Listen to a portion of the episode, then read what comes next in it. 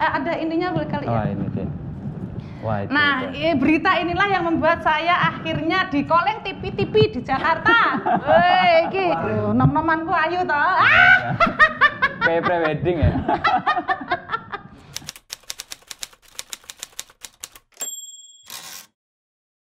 Eh, Mbak Imah, terima kasih udah nerima saya dan tim dari Kompas.com Sama-sama. ngobrol. Terima kasih udah mau hadir juga. udah cekakaan nih awal-awal. Eh, pertama, saya terima kasih karena waktu itu tim media di COVID-19 itu dibantu untuk kampanye pakai masker itu. Nah itu ngaruh banget sih buat orang jadi sadar bahwa pakai masker nggak ya masker dari eh, kain, Kain. yang ada ya, dan itu jadi viral sih. Nah di posisi sekarang kita pandemi ini ada perubahan nggak mbak? banget, Mas. Perubahan banget. Yang terasa dan kemudian terrefleksikan, oh akhirnya mengubah Mbak Imah.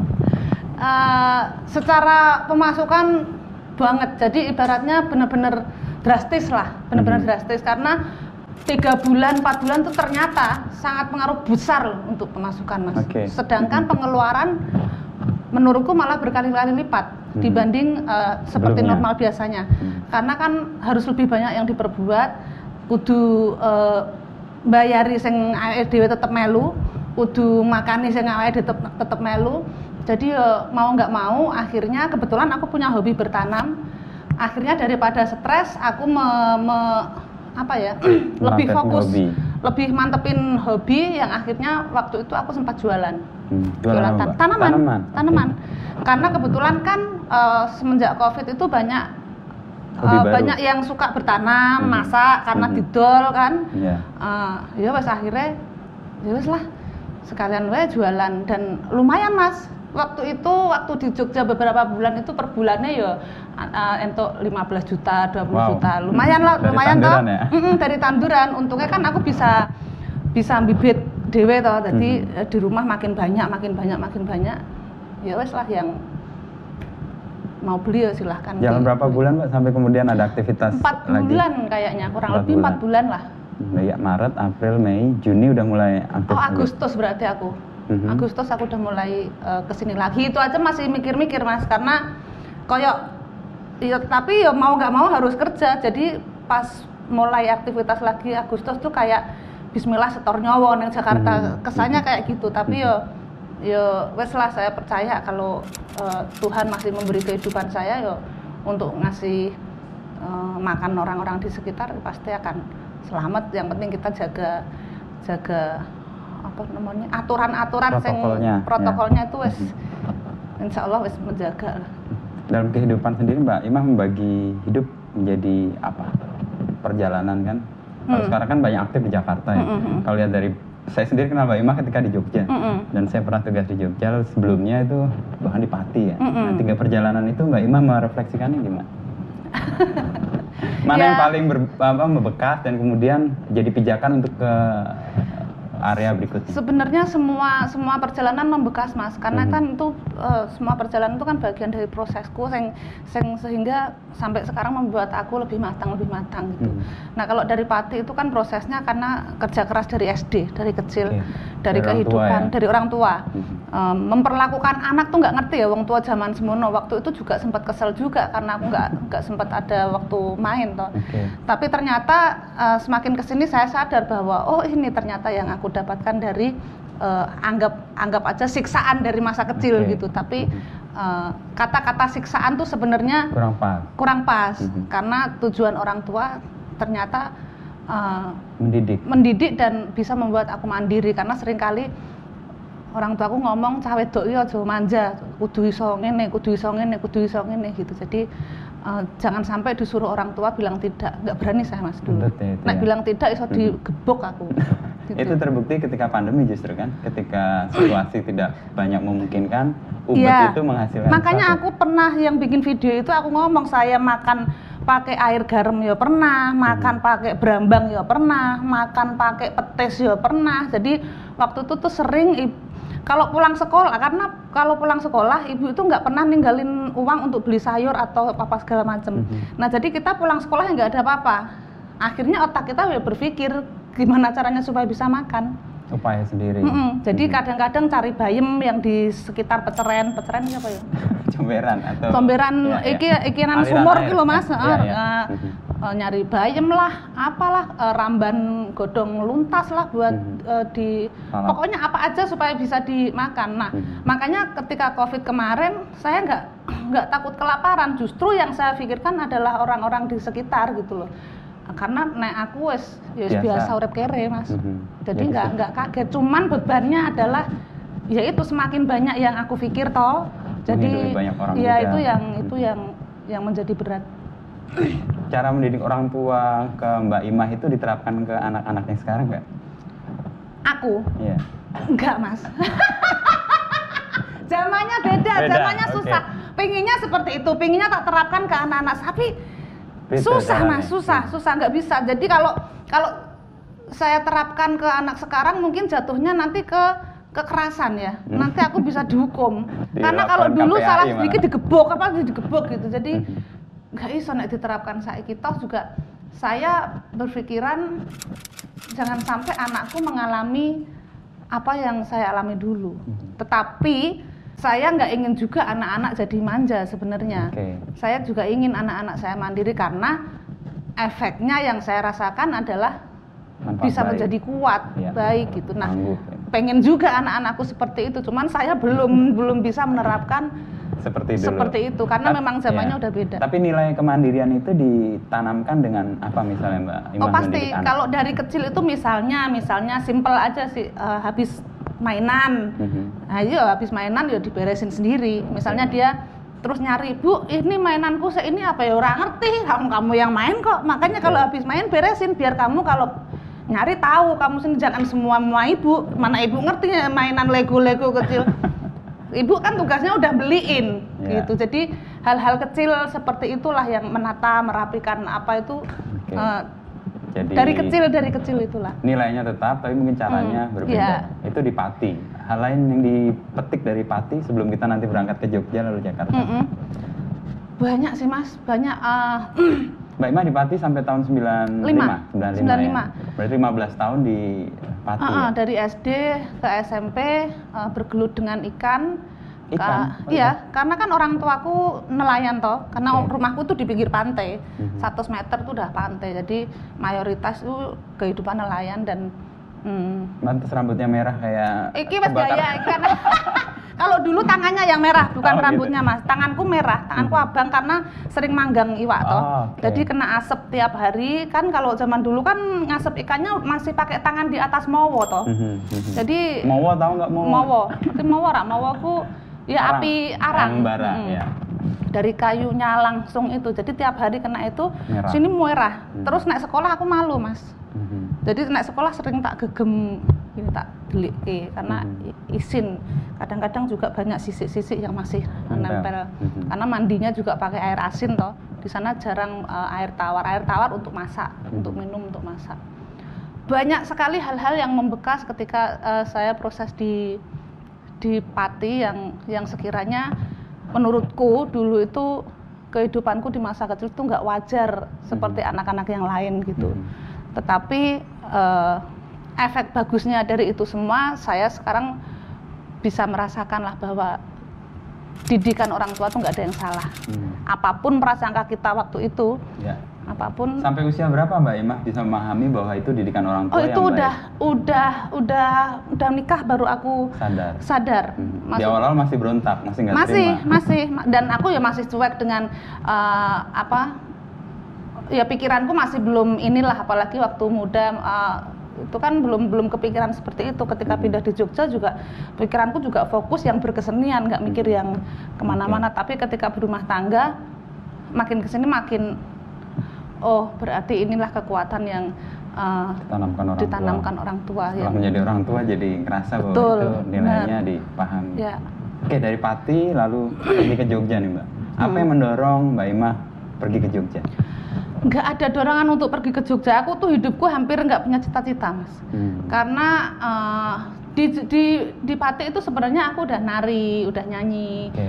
eh, dengan wah untuk bayaran tolong ewu seneng banget gitu nah anehnya mas kalau ibuku itu dulu kan kalau misalnya aku mau belajar eh, berangkat ekstrakurikuler sekolah itu Oke. nggak boleh Karena harus nata ikan nggak tahu kenapa tapi kalau nyanyi boleh. boleh malah kakakku Oh, disuruh oke. disuruh nemenin nah Mhm. itu anehnya ternyata itu jalan jalan pangan oh Hmm. iki tidak diperbolehkan tapi nek sekolah makan aku bodoh mas tapi pinter golek duit ngono. Oke. iki apa sing dikarepke wong tua aku mungkin Mhm.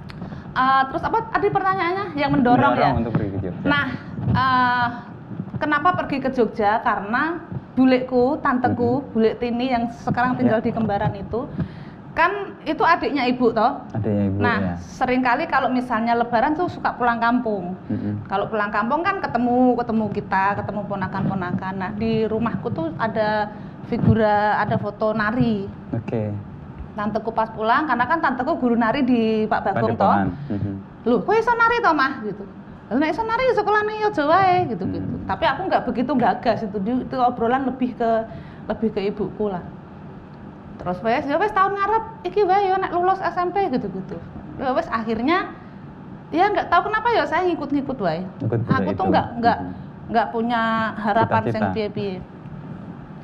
Berangkatlah ke Jogja di dibawa sama tanteku karena punya bakat gitu mikirnya saya Mhm. biar tersalur karena ada di Jogja gudangnya seni dimasukkanlah ke SMKI nah, SMKI itu jurusan tari udah penuh karena waktu itu banyak yang tertarik tuh yang jurusan tari Mhm. yang kosong teater sama karawitan teater karawitan pedalangan Waduh. yang cenderung sulit ya. hmm, yang cenderung muridnya lebih sedikit daripada tari Mhm.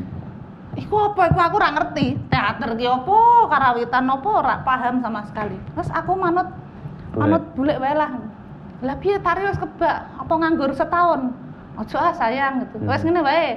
Daripada nganggur setahun, mending nyemplung aja dulu di jurusan itu, Karawitan. nanti tahun depan pindah ke tari. Mhm. Nanti tarinya ambil di belajar di Pak Bagong gitu. Mhm. Wes nah ngikut wae. Pikir tanteku kan karawitan sing ana hubungane ro tari, iso ngiringi, iso ndelok. Mhm. Ah, gitu. Wis ngikut wae. Akhirnya nyemplung lo ke karawitan setahun. Sambil eh, belajar narinya di sanggar di Pak Bagong. Berjalan setahun ditawarin sama buleku, piye sido pindah. Tapi saya udah nyaman di situ Di Karawitan itu. di Karawitan udah nyaman dan dalam satu tahun itu aku udah udah mulai diajak-ajak pentas-pentas lah sama Mhm, mhm. sama temen-temen sama kakak kelas pikirku nggak usah lah nggak usah pindah toh tarinya juga masih bisa belajar di sanggar Di gitu Sanggar. akhirnya ya sampai lulus sampai diisi tetap Di Karawitan. Karawitan. Karawitan itu belajar apa sih, Mbak? ya gamelan gamelan sinden semuanya yang berhubungan dengan eh, gending karawitan Tapi nggak narinya. Narinya Beda. enggak Oh, enggak kalau narinya di luar dilengkapi di Padepokan itu. Mm-mm. Hmm. tapi tapi kreasi baru ya kalau untuk klasik aku belum belum belajar yang yang benar-benar belajar tuh belum Mhm. Itu waktu di Jogja. Di dan Jogja. kemudian dibina di Padepokan itu. Mm-mm. Lalu di situ menemukan kan kalau Mbak Ima kan bilang ya jalani aja kayak tadi Ah, ngalir aja. iya. Sampai pada satu titik di mana oh ini jalan saya dan kemudian saya lakoni di Jogja di mana Mbak? Di momen apa? Em, sebenarnya di Jogja itu pun aku juga berpikirnya masih aku masih enjoy dalam berkesenian mas. Jadi apa yang aku lakukan tuh aku enjoy. Mhm. jadi aku tuh nggak punya nggak punya ke depannya aku mau jadi apa tuh nggak tahu. Mhm. bahkan ke- lebih banyak latihan aku lebih suka keluar dari rumah. Jadi misalnya kan kalau di Jogja kan sampean tahu lah misalnya pentasnya sekali we latihannya telung sasi ya toh?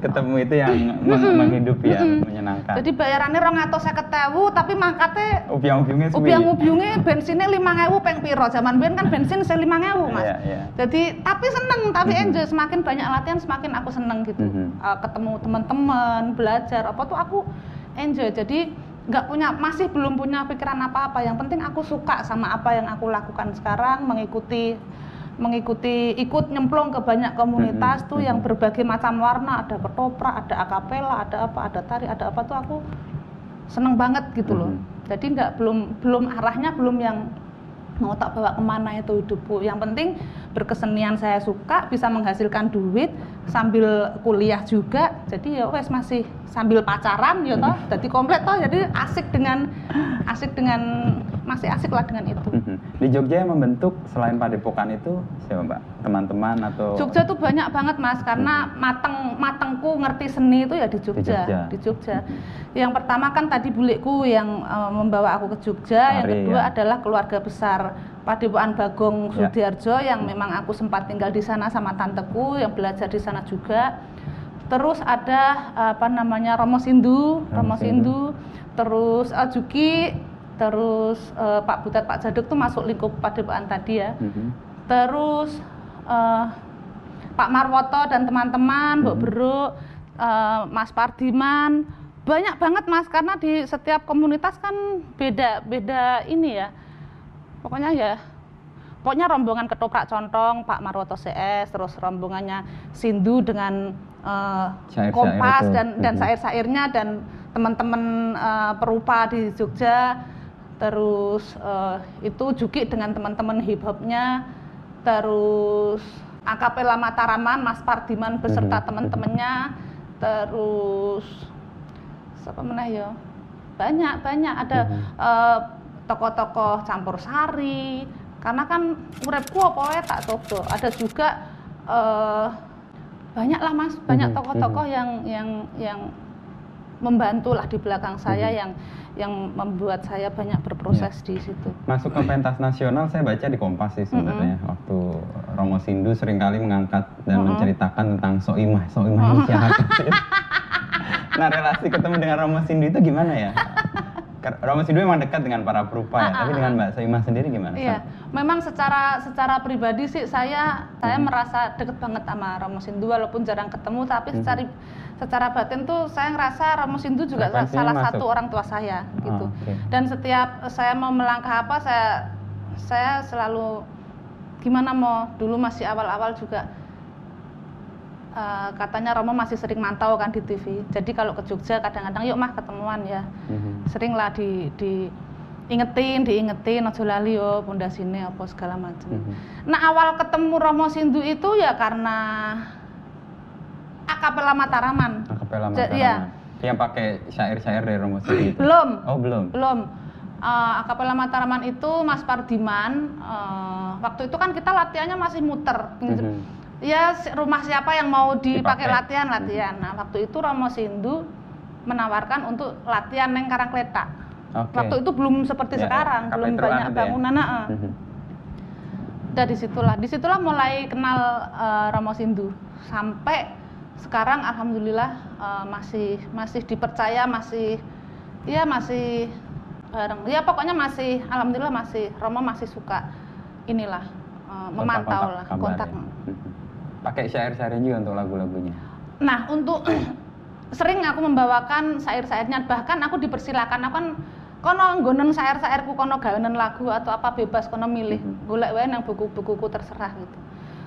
Cuman aku pengennya itu Romo bikin buat aku mau aku gitu. Spesial. Ya, eh, cuman Romo belum kayaknya belum dapat wahyu deh kayaknya untuk itu. lah kemarin-kemarin nggonen saya gue nang buku-buku kono milih terserah bebas Mhm, gitu. Ya, cuman kan maksudnya nggak tentang aku mau pengennya kan gitu. Nah ini sebenarnya Romo masih punya utang sama saya. Maksudnya saya pengen dibikinin syair khusus. khusus. Tapi pas pas pentas di Karangkledak Romo bikin itu.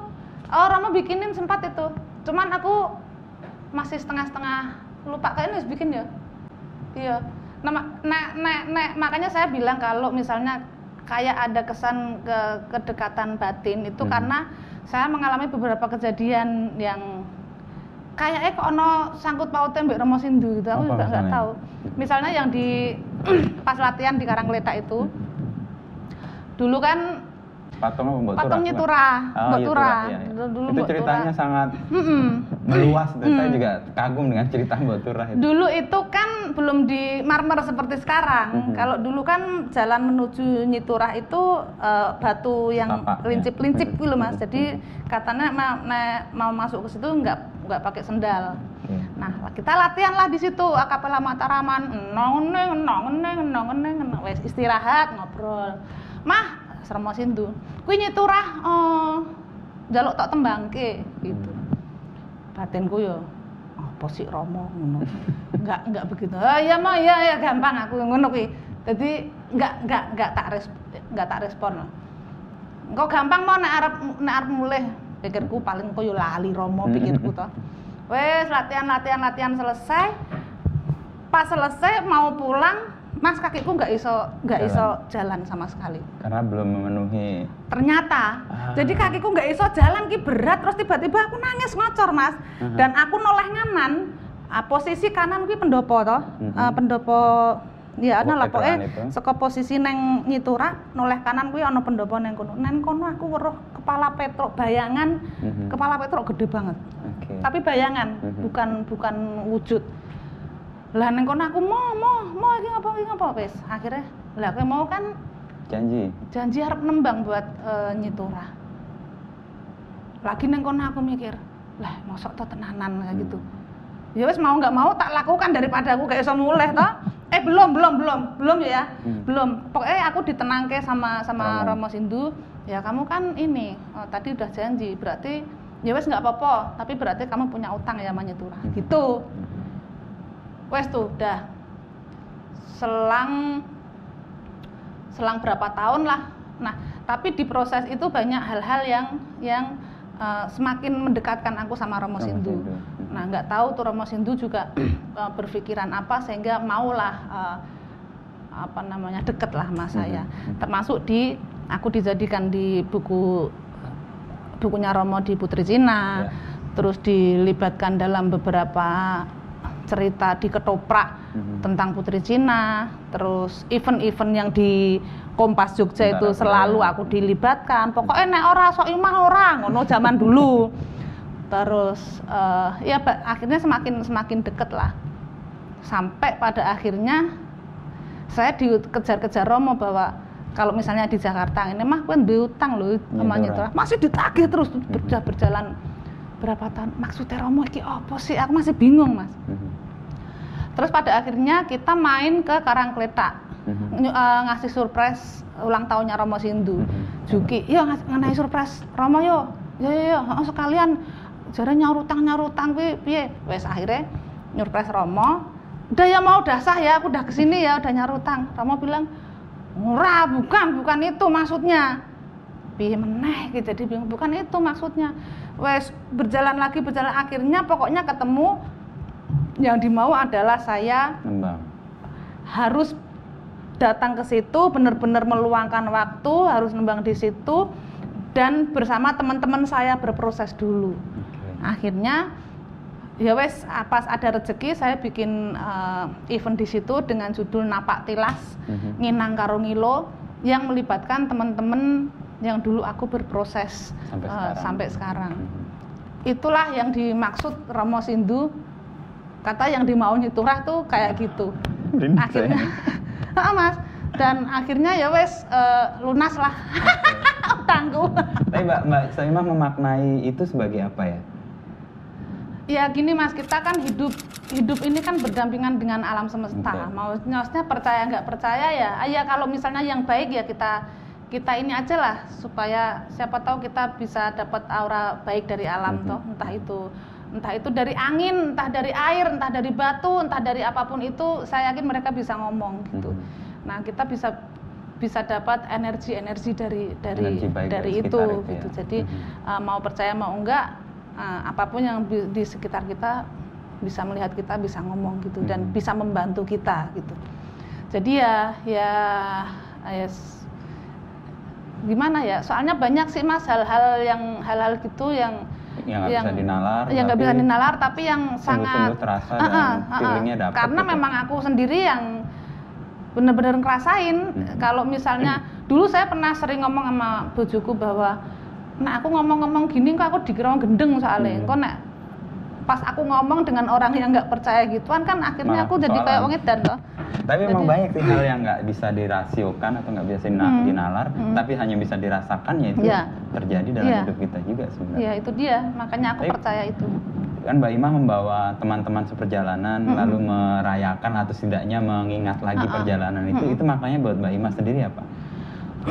ya itu napak tilas lah napak tilas maksudnya ketika aku eh, sudah berada di Jakarta ini. di posisi ini eh, saya kembali ke makanya temanya napak tilas nginang karo ngilo Nginang bahwa ngilo, eh, ya. saya harus berkaca dengan Diri dengan diri sendiri. saya sendiri So- saya ki sapa Mhm. ya aja nganti lali ambek raiku dhewe ya aja nganti lali ambek aku ki sapa mbiyen sapa saiki sapa dan aja lali ambek kanca-kancamu mbiyen ki sapa kayak gitu-gitulah jadinya ya ya peringatan yang baik gitu iya ya. jadi Mhm. eh, itu peringatan bahwa setinggi apa pun kowe mah gitu ibaratnya Romo Sindu tuh yang yang Napak jangan gitu jangan ya. lupa sama Akar. eh, akarnya dan ada di situ kan ada perupa-perupa juga yang Mhm. yang melukis di lokasi nah saya terkesan dengan pelukisnya eh, Pak Nasiron Nasiron ya. di situ juga beliau melukis yang eh, nginang karo ngilo kan temanya Hmm. jadi eh, beliau melukis aku berkaca tapi mulutnya keluar darah Mhm. lalu eh, kakinya yang satu pakai sendal jinjit yang satu pakai sendal jepit Mhm.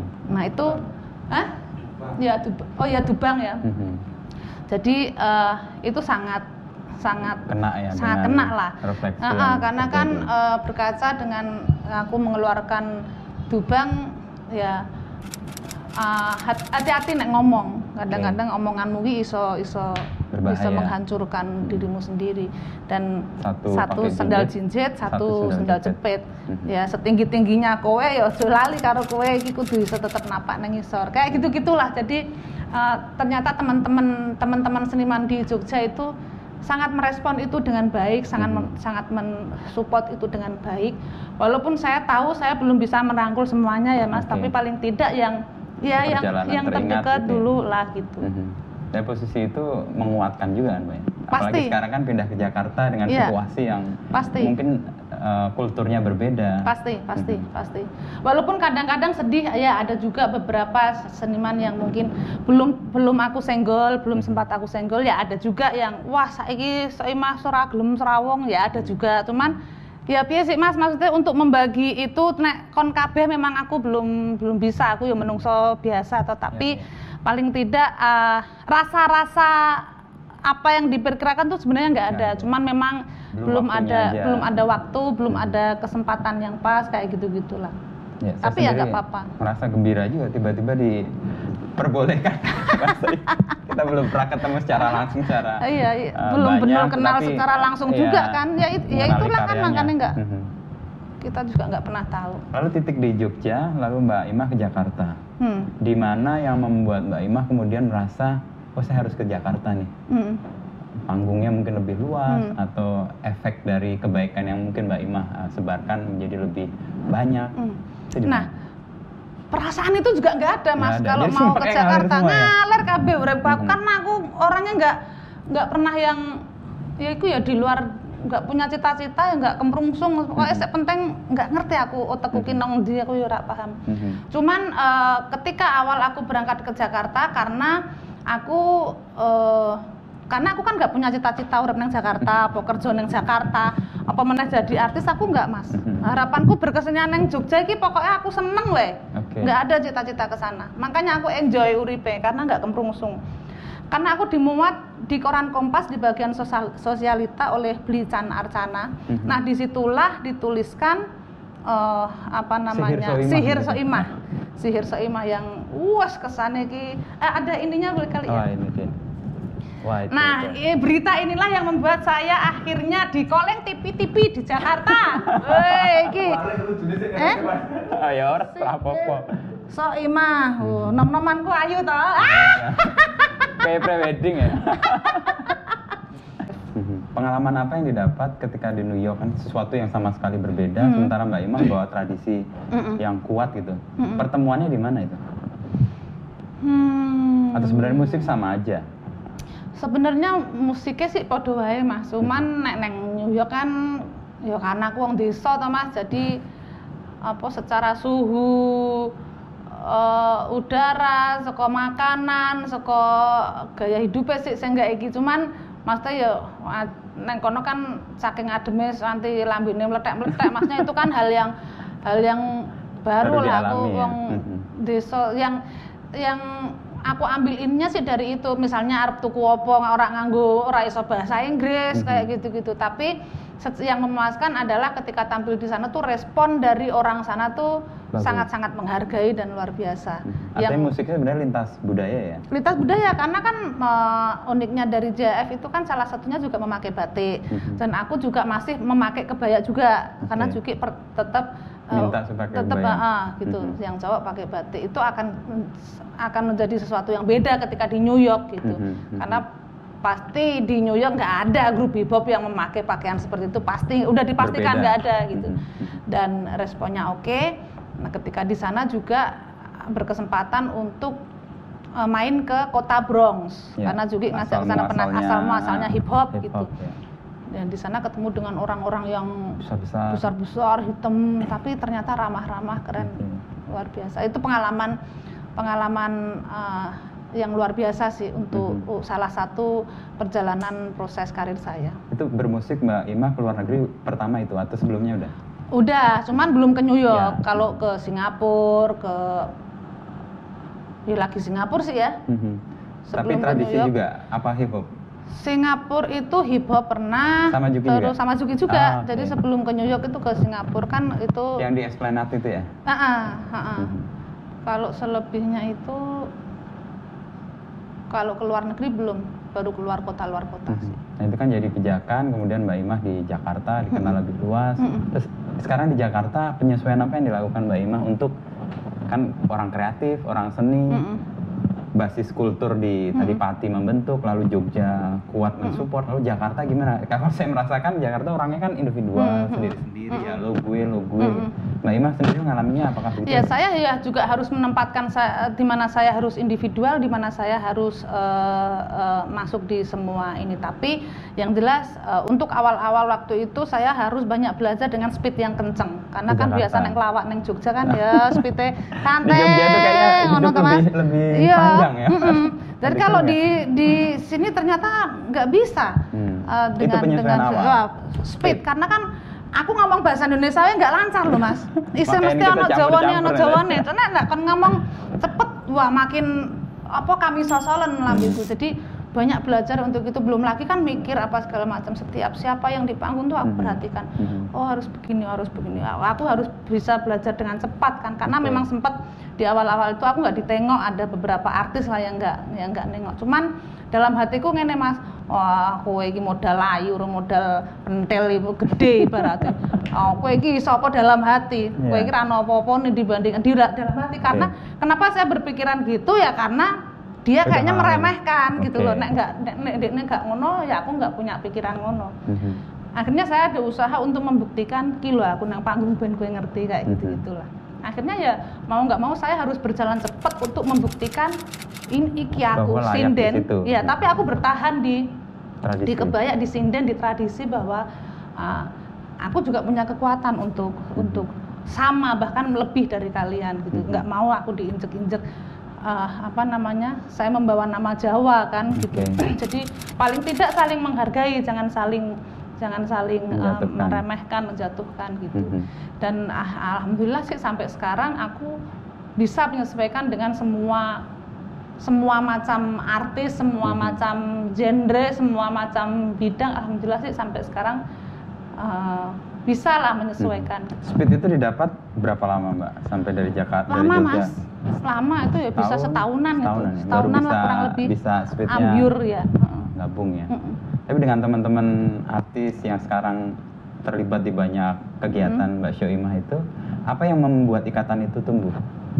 Apakah persis kayak di Jogja dulu? Kalau Jogja kan lebih ke karena kekerabatan, Mm-mm, mm-mm, supportnya kuat, atau ada sesuatu yang berbeda? Sebenarnya kalau di sini pun eh, aku membentuk itu sebenarnya bisa, Mhm. cuman aku nggak mau Oke. seluas itu, seluas di Jogja aku memang nggak mau karena aku nggak mau terlalu apa ya, maksudnya gini, di sini oke lah, memang aku memang nyari duit, eh, bukan nyari bukan nyari masalah Mhm. gitu, dan memang aku membatasi siapa aja temanku di sini untuk benar-benar berteman ya. Oke. Tapi kalau untuk kerja mah aku Siapa sama aja, siapa pun tak sikat gitu. Mhm. Memang aku ada batasan untuk itu mas, karena ketakutan-ketakutan eh, hal-hal yang tidak diinginkan tuh sampai sekarang juga masih Masih ada sebenarnya. Karena kan saya tahu banget dunia kayak gini sikut-sikutan apa segala macam di depan baik di belakang gimana kan aku paham. Jadi daripada daripada banyak basa-basi sama sama ini ini ini mending nggak usah mending di rumah Mending tapi jauh, ada ya. beberapa teman aja yang yang saya anggap uh, tulus di Oke. depan sama di belakang itu Sama aja aja. yang ya yang buat main lah tapi kalau untuk kerja ya harus harus dengan semuanya. semua orang Tapi ketakutan apa yang masih Mbak Soimah miliki ya? karena gini loh mas eh, kalau di Jakarta ini kan apa apa jadi berita ya apa apa jadi berita. Kadang kita benar aja jadi salah. Eh, apa ya? Banyak hal-hal yang dari ngomong dari ngo- dari ngomong dari makanya aku suka suka apa namanya kalau di wawancara infotainment tuh suka sering nggak mau. Karena Takutnya malah Ya, beda dengan apa yang dimaksud. apalagi dimintain pendapat gimana ini lagi ada masalah itu apalagi dimintain pendapat kalau teman ada masalah. Kayak kalau kita komen iya nek sesuai nek ra sesuai malah kok aku ya melu kena masalah. Toh ngapain kita ngurusin eh, Orang masalahnya lain. orang lain? Kalau toh kita mau support ya wes di belakang kamera aja gitu. Hal-hal kecil yang sekiranya bisa jadi masalah mendingan aku nggak mendingan aku nggak usah.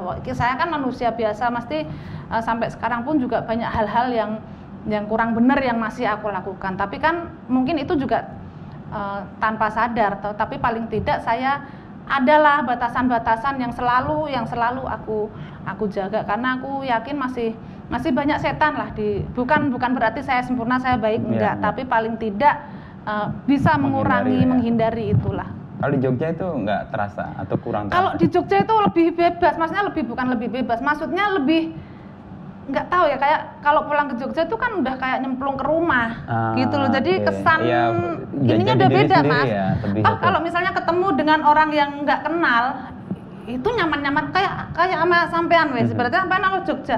Wes kayak ketemu Kayak dewe gitu loh. Mhm. Jadi kayak nggak tapi hati-hati ya tetap lah karena Ada, kan mhm. juga juga yang namanya namanya ini kan kita nggak nggak tahu orang per orangnya lah tapi saya sih bisa ngebaca maksudnya oh ini kayaknya ini ini kayaknya ini jadi yang kira-kira feelingku ini ya nggak usah kayak gitu gitulah mas tapi paling tidak Jakarta memang berhati nyaman eh, eh Yogyakarta memang berhati nyaman sehingga sehingga eh, kenyamanan itu saya dapatkan ketika pulang ke sana Oke, jadi kayak dibales ya di Jakarta Ya. mungkin dengan speed yang cepat, Iya, di Jogja itu istirahat, kayak, ketemu anak. 35 jam per hari kayaknya.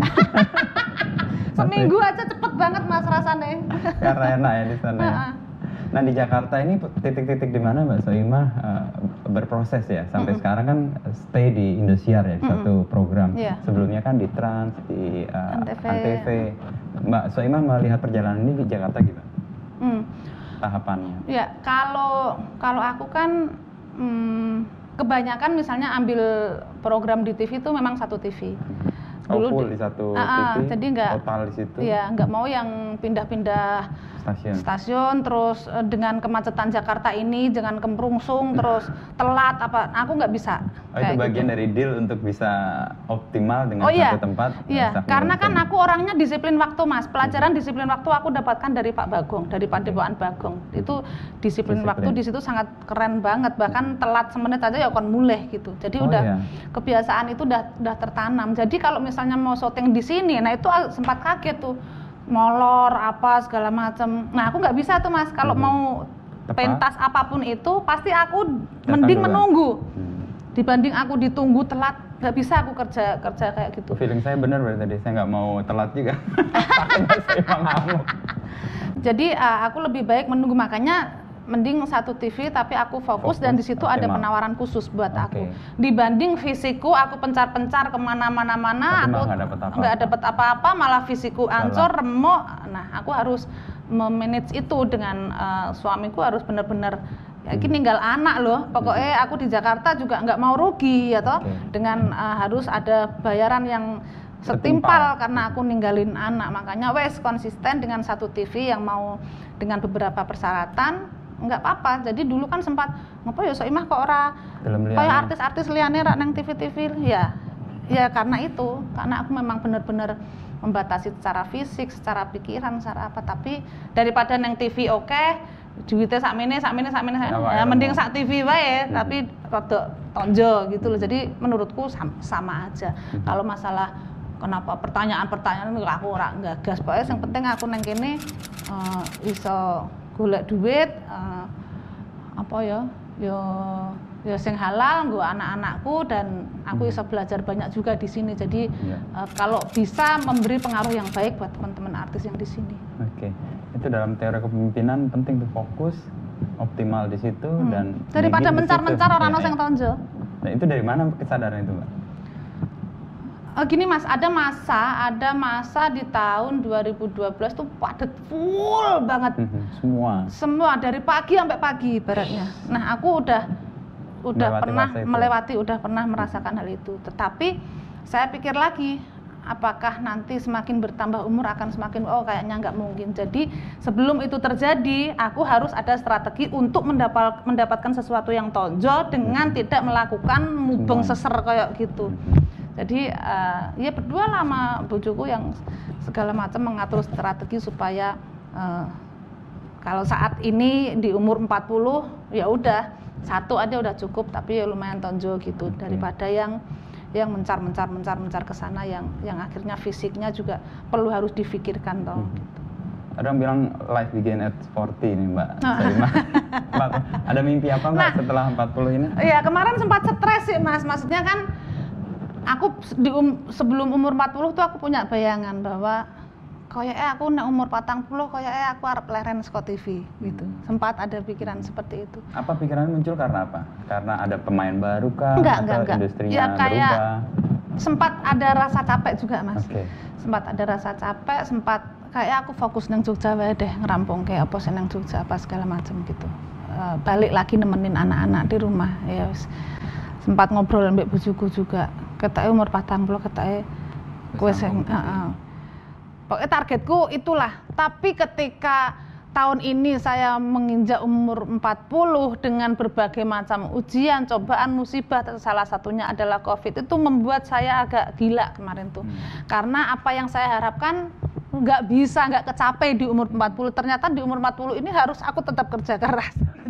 Jadi nggak sesuai rencana. Tapi nggak apa-apa karena eh, keyakinan saya adalah katanya di umur 40 ini orang yuk turun-turun naik-naik. Nah, di dalam kondisi yang seperti ini yang harus ada kebangkitan eh, dari Covid kemarin yang akhirnya di umur 40 aku masih ada kerjaan, masih diberi kesehatan yang seperti sekarang yang saya alami artinya keyakinanku akhirnya memang saya harus jalan terus. Ternyata saya masih eh, dibutuhkan orang banyak sehingga saya harus bekerja terus gitu. Ah, agak sedih tapi ya tetap harus tetap harus bangkit gitu ya ya wes berarti ya memang Tuhan masih ngasih amanah lah ibaratnya buat aku. Artinya gitu. rencananya tidak sesuai dengan tidak sesuai. apa yang terjadi. Iya. Deal dengan itu gimana menghadapi kesedihannya? Sedih, sedih banget, sedih banget. Tapi ya ya balik lagi eh, berdoa sama Tuhan lah. Saya masih dikasih nih amanah gitu. Mhm. Ya wes berarti ya, ya berarti ya yang penting kasih kesehatan aja Mhm. supaya agak agak nangis mas kalau mau ngomongin itu. Karena kan memang eh, apa ya capek. Kadang-kadang capek ya. Ya sopo sih aku juga nggak munafik ya. Mhm. kadang-kadang pengen di rumah sama anak-anak gitu kan. Ya harus sadar memang banyak masih banyak yang eh, membutuhkan aku di keluarga besarku di Mhm. orang-orang sekeliling. Karena orang di luar sana kan mikirnya kan aku kan punya gunung duit tuh mas. Mhm. banyak orang yang minta kerjaan semua. Lah kalau aku punya pabrik punya usaha sih ayo semua tak ajak. Cuman aku belum bisa membuat mereka membuat mereka eh, apa ya seneng semua lah. Tapi paling tidak orang-orang terdekat itu. Nah saya merasa ragaku ini hidupku ini masih mereka Dipakai. masih membutuhkan makanya aku masih dikasih eh, dikasih oke. jalan Mhm. lah dikasih rezeki sama Tuhan untuk itu saya percaya bahwa eh, apa ini adalah amanah gitu Mhm. amanah dari Tuhan toh aku mati juga nggak bawa apa-apa toh gitu yang penting aku mau bisa ninggalin anak-anak selebihnya ya biar Mhm.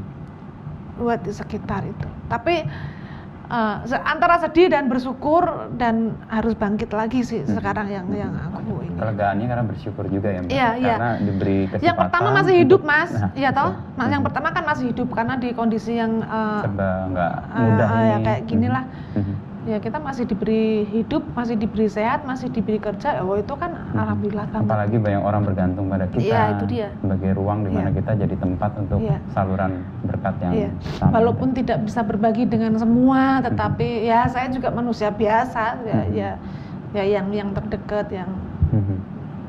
Tapi mimpi untuk di Jogja masih dibangun kan? Masih, nah, itu. Pelan-pelan. Nah itu kan, ya itu kan harusnya tahun tahun ini kan selesai mas. Ma- makanya target itu nggak nggak sesuai. Oke. Harusnya peresmian September, terus aku eh, ngeresmikan itu, terus aku di Jogja, terus aku berkesenian lagi sama teman-teman karena Kembali salah ke satunya tempat dan Iya. asal muasal karena ya. tempat itu kan salah satunya tujuannya juga untuk ngumpulin teman-teman lagi, pengen wah, pengen lungguh, le latihan le, le, bayanganku Kayak loh mas. tadi itu yang ngilo sama apa tadi? Minang karo ngilo. Minang karo ngilo, tapi dalam konteks yang lebih panjang. Iya, karena COVID akhirnya semuanya eh, tertunda. Eh, Ya, mungkin itu jalannya kali mbak ya. ya mungkin, mungkin, mungkin. Tapi ya, ya wes makanya tak tak tak nikmati lagi ya. Anggap aja lah ini bagian dari cerita hidup lagi lah Mhm, nanti buat cerita anak cucu saya. Tetapi eh, saya yakin eh, adalah nanti eh, apa namanya waktu yang baik untuk saya bisa menikmati Memulai di situ. Mhm. Di Jogja apa sih bayangan Mbak Ima atau mimpi Mbak Ima dan keluarga? Saya lihat ada joglo, ada tempat Iya. studio, lalu Sebenarnya- ada orang berkesenian. Sebenarnya simple mas, aku tuh Hmm. nggak mau nggak mau muluk-muluk eh, apa namanya, ibaratnya kalau pensiun dari dunia keartisan Hiburan, ini itu eh, be- tetap pengenku pulang ke Jogja dengan berkesenian di Jogja dengan seadanya. Nggak, tapi nggak ada target yang gimana-gimana. Tapi karena kesenian adalah salah satu obat kan eh, buat saya salah satunya mendirikan eh, pendopo itu juga supaya masih bisa bertemu dengan teman-teman seni, supaya masih bisa em, memberi ruang dengan eh, anak-anak muda yang yang Muri-muri, yang yang muri-muri yang ya karena kan beberapa teman juga sambat kurang ruang untuk latihan, untuk Mhm. berproses apa ya pakailah untuk berproses. Mhm. Jadi simple dan yang paling Kayak utama membayar ulang gitu ya Mbak? Ya, karena- karena, betul. belajar dari Karena orang. kan dulu kalau aku latihan kan numpang di rumah orang-orang Thomas. Sekarang siapa yang rela berbagi. ya siapa yang rela rumahnya untuk latihan ya ya pindah-pindah kita latihan ke rumah siapa siapa siapa gitu. Nah, silakanlah ibaratnya dipakai buat latihan. Saya Hmm. tak wis tua tak mantu wae tak eh iso ngenai teh ya ngenai teh kayak kayak gitulah. Tapi yang paling terpenting adalah eh, keinginan saya untuk ya kembali menjadi ibu rumah tangga, kembali untuk mendampingi anak-anak ya. itu yang saya merasa berdosa karena saya meninggalkan anak dari umur tiga tahun lah kurang lebih awal-awal di Jakarta itu mau tidur tuh Kepikir. nang mataku ki Anak. anak mas sedangkan awal-awal di Jakarta itu kan ya saya gali lubang tutup lubang Mhm. mikirnya wong kampung aku mlebu TV kuwi wis duit tok bayangane. Mhm. Lah orang ngerti mangkat Jakarta utang sik bayaran suwe nggo bayar utang wes dengan segala gitulah. Tapi orang yang di kampung mikirnya aku wis sugih. Mhm. Tapi semua itu aku aminin wae lah, aku aminin lah nggak nggak apa-apa semoga jadi doa ya akhirnya ya menjadi doa. Kalau do- dalam dunia entertainment yang Mbak Soimah takutkan apa? Justru di dunia entertainment aku nggak pernah ono ketakutan mas, ya? malah nggak ono karena eh, ya aku ada cemplung kayak apa wae ayo sikat. Wae jadi nggak nggak pernah ada ketakutan justru kalau di, di- di dunia entertainment. Cuman ya memang yang saya ini memang harus selalu berhati-hati harus selalu berhati-hati karena eh, takutnya nanti aku jadi sombong beneran gitu dengan dengan apa yang saya punya apa yang saya mampu gitu. Dan yang penting yang penting apa yang yang aku eh, fokusin sekarang ya yaitu ya yang yang pokoknya apa yang saya lakukan sekarang kerjaan apa yang saya lakukan sekarang yang aku fokus masalah ketakutan ketakutan itu sebenarnya eh, sebenarnya nggak ketakutan kan banyak artis yang ketakutan udah nggak laku lagi Iya, iya. lah justru itu kan perlu apa namanya doaku supaya aku bisa pulang kampung lagi karena tahapan terakhir Itu bukan ketakutan malah. bukan ket- itu harapan malah ya. iya karena harapan terjadi. terakhir dari hidup saya ya ke- Kembali. kumpul sama anak-anak kumpul sama keluarga udah nggak ada Nilai yang harus itu. gimana gimana itu kalaupun itu terjadi anggap tak itu tak anggap bonus enggak juga nggak apa-apa Mhm. gitu jadi ya orang kan baliknya ke mana ke tanah juga kan maksudnya nggak nggak mulu-mulu aku mas tak tak cuman kadang-kadang kan orang melihatnya itu kan beda-beda cuman ya. ya sah-sah aja cuman Mhm. ya gitulah justru nggak khawatir Mhm. Eh, ya ini sampai kapan aku nggak tahu ya ngikut aja Tuhan Ya, orang aku punya rencana juga ya. tadi juga ternyata Nggak sesuai rencana Ya. ya wes ngikut wae lah gitu Mhm. Nah, deal dengan perubahan-perubahan itu Mbak Soimah sendiri bisa mengadaptasi mudah itu karena apa?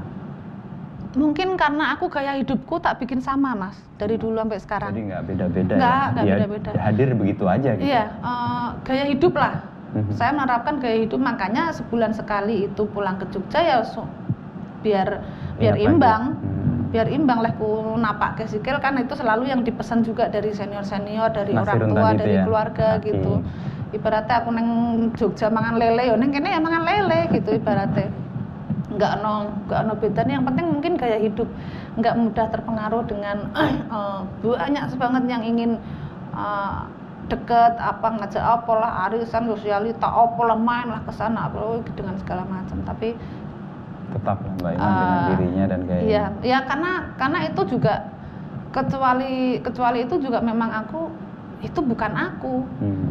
Gitu jadi Malah daripada ya aku nggak nyaman Oke. daripada nanti sampai sana saing-saingan harus apa lah lah aku hidupnya kan nggak nggak nyari ngono di Jakarta gitu Dalam bermusik nih, kalau aku tuh ya begini, kalau Mbak Ima sendiri merefleksikan musiknya Mbak Ima gimana? Terakhir kan bikin koplo nih sama Ah, ah, ah. Juki sama ah. NDX, Ah, terus ah. sebelumnya bikin tembang yang saya sendiri merinding sih, yang Mbak Ima nembang backgroundnya hitam itu yang eh, apa judulnya ya? Eh, Anyar Jagat Anyar Ah, Jagat, Anyar. Kang Dumadi It- itu, itu, saya dengarnya itu merinding.